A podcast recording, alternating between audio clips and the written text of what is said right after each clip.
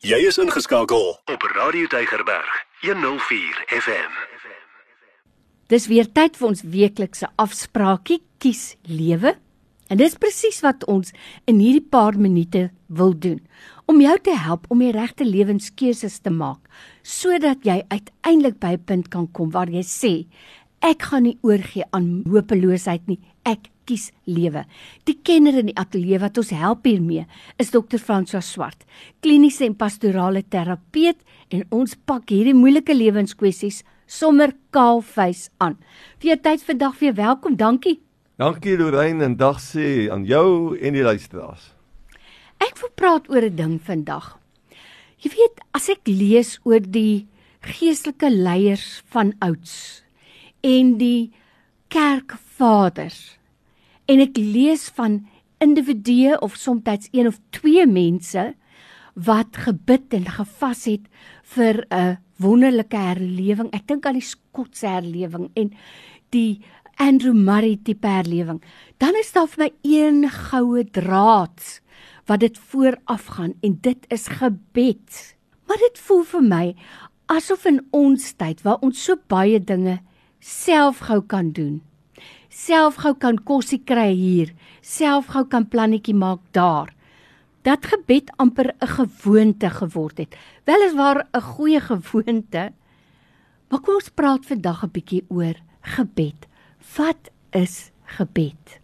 Ja, gebed is seker een van die wonderlikste aktiwiteite wat 'n menslike siel mee besig kan hmm. wees. En As 'n mens begin dit bestudeer, jy het nou mooi van die skotte gepraat. Daar's 'n nuwe boek ook uit nou Leon Venter, 'n pragtige boek wat juis ook sy gebedslewe vir ons uitwys en 'n mens kan altyd by hierdie ou kerkvaders kan 'n mens leer. Maar ook by die disippels. Mm -hmm. Mense hoor hulle sukkel met gebed. Op 'n stadium gaan staan hulle by Jesus en vra: "Here, wil U nie vir ons leer bid nie?"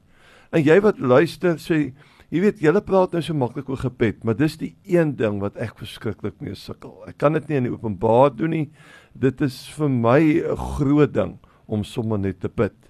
Ek dink ons moet baie eenvoudige oor gebed dink, Lorraine. Ek dink gebed is 'n ander woord om te praat. As jy kan praat, dan kan jy bid. En dit is goed as jy dit op jou eie kan doen. Gebed is eintlik 'n vorm van belydenis. Mm. Sodra jy begin bid, sê jy eintlik daarmee en is dit 'n getuienis dat jy glo aan iets wat groter is as jy.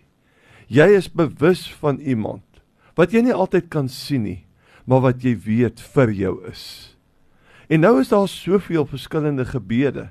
Gebede het ook te doen met ons gemoed veral in die 150 psalms sien ons dit. En die hmm. psalm wat ons baie goed ken is Psalm 23, maar die psalm net voor Psalm 23 is tog nou Psalm 22 en daar worstel die persoon en bid hy en dis 'n klaag gebed. Here, waar is U hmm. as ek U nodig het?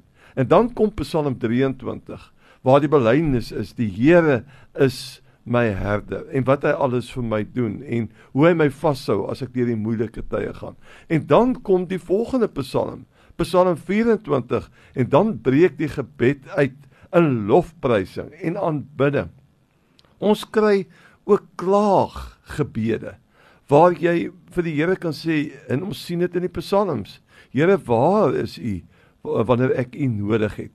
Dis gebed het 'n veelkantigheid aan hom wat ons baie meer moet gebruik. En 'n uh, eh, ek dink 'n goeie struktuur vir gebed persoonlik verkies ek om nie so baie met die naam God te werk nie. Want God is 'n baie breë begrip vir dit wat groter is as ons. Maar ons uh, glo as gelowiges veral aan die drie enige God.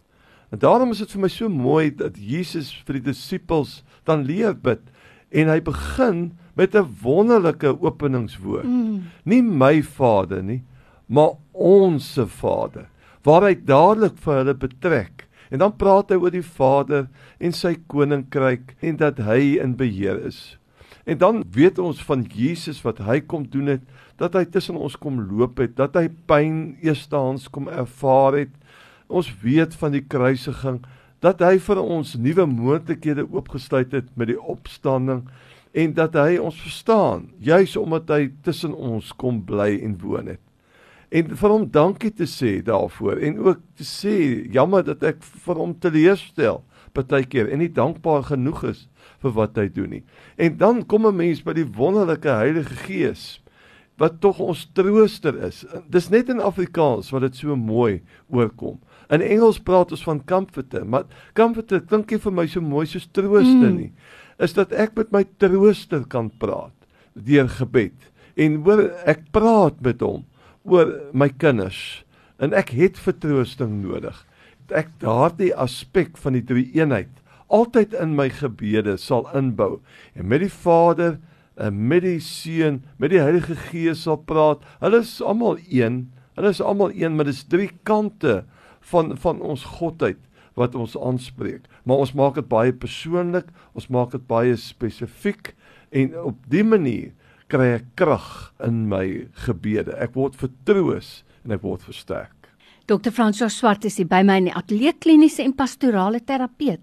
Ons praat vandag oor gebed. En wanneer ek luister na alles wat jy sê Dr. François, dan verstaan ek dat gebed gesprek is in haar seisoene in ons lewe. Ek dink nou byvoorbeeld aan Nehemia wat hoor van die verwoesting en die stadsmuur plat lê en wat doen hy? Hy vas. Hy bid. Hy bely. Hy smeek. En dan gaan hy oor tot aksie. Maar dit sê vir my wat 'n intieme verhouding hy gehad het met die drie enige God. En hy het geweet, hierdie is nou tyd vir 'n tipe gebed waar ek die Here moet smeek en roep. En dan staan 'n tyd, 'n seisoen in jou lewe wat jy net oor en oor en oor die Here se lof kan besing. Maar vir iemand wat nou nog nooit nie gebed die gesprek onder die knie gekry het nie. Wat 'n eenvoudige manier om net te begin.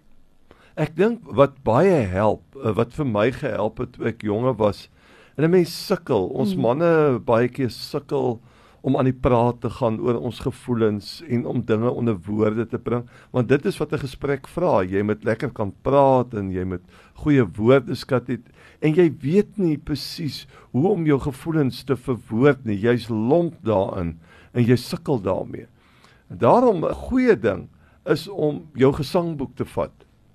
'n Liedboek te vat of uh net eenvoudig te gaan en liedere wat jy sing dit te gaan bid vir die mm. Here. In plaas van om dit te sing, dis baie van ons liedere is eintlik gebede wat jy net hardop kan bid vir ons wat nog ou gesangboeke het, moet dit nie weggooi nie. Skryf net uh, voorop want hier staan in ons kerke flits hulle vir ons die liedere. Maar uh, dit is belangrik dat jy voorop daai gesangboek ook skryf, dit is my gebedeboek. Mm. En dan vat jy net eenvoudig daardie uh, boek en jy begin bid uit dit uit. Jy kan ook teksgedeeltes kan jy bid. Daar is konkordansies wat vir jou help waar al die gebede lê in die Bybel. Veral Paulus, as hy bid vir die Efesiërs, dan kan 'n mens daai gebed weer saam met hom bid ook vir jou mense. Mm. Dis daar is baie bronne. Deesdae kan 'n mens na boekwinkels toe gaan. Daar is spesiale gebede boeke wat kerkvaders oor eeue saamgestel het wat vir jou kan help in jou gebede. En voordat jy weet, Lorraine Die luisteraars moet dit weet. Voordat jy weet, begin jy spontaan. Mm. Somme net bid. En ek wil afsluit met die gedagte: moenie van gebed 'n groot ding maak nie. As jy uh, by McDonald's kom en jy sit daar met jou kinders en vrou en almal het nou hulle bietjie skyfies en hulle het nou alles wat hulle wil hê. Vat net van 'n hande en sê net: Here, baie dankie dat ons mekaar het. Dankie vir vanoggend. Dank, dankie dat mamma so goed is vir ons. Dankie dat ons kan eet en ons loof en ons prys U daarvoor. Sjoe, ek Amen. hou daarvan. Wat weet jy nou leer ons ook vir ons kleintjies. Niks is te gering nie. En vir alles moet ons dankie sê. Ja, en ek dink 'n mens moet dit sommer so in spontaan in jou uh beweging deur die dag net vinnig. Ons praat tog mos mm. van skietgebede en so aan. Mm as jy agter jou uh motor se wiel in skuif, dat jy net vir 'n oomblik sê Here, wees nou met my. En baie keer in 'n situasie, in 'n vergadering waar jy vinnig moet dink om net vir 'n oomblik terug te staan te sê, Here, gee vir my nou rustigheid en kalmte. Mm. Dit is nie groot goed nie. Mm. Hou dit eenvoudig en jy sal voordat jy weet, sal jy begin agterkom maar gebed is eintlik die heeltyd deel van my lewe. As ek kyk na die mooi berge, as ek kyk na die reën, as ek die reën hoor val, as ek die landerye sien en die groen van die wingerde, is dit skielik asof daar 'n gebed opskiet in jou binneste waar jy die Here graag wil loof en wil prys.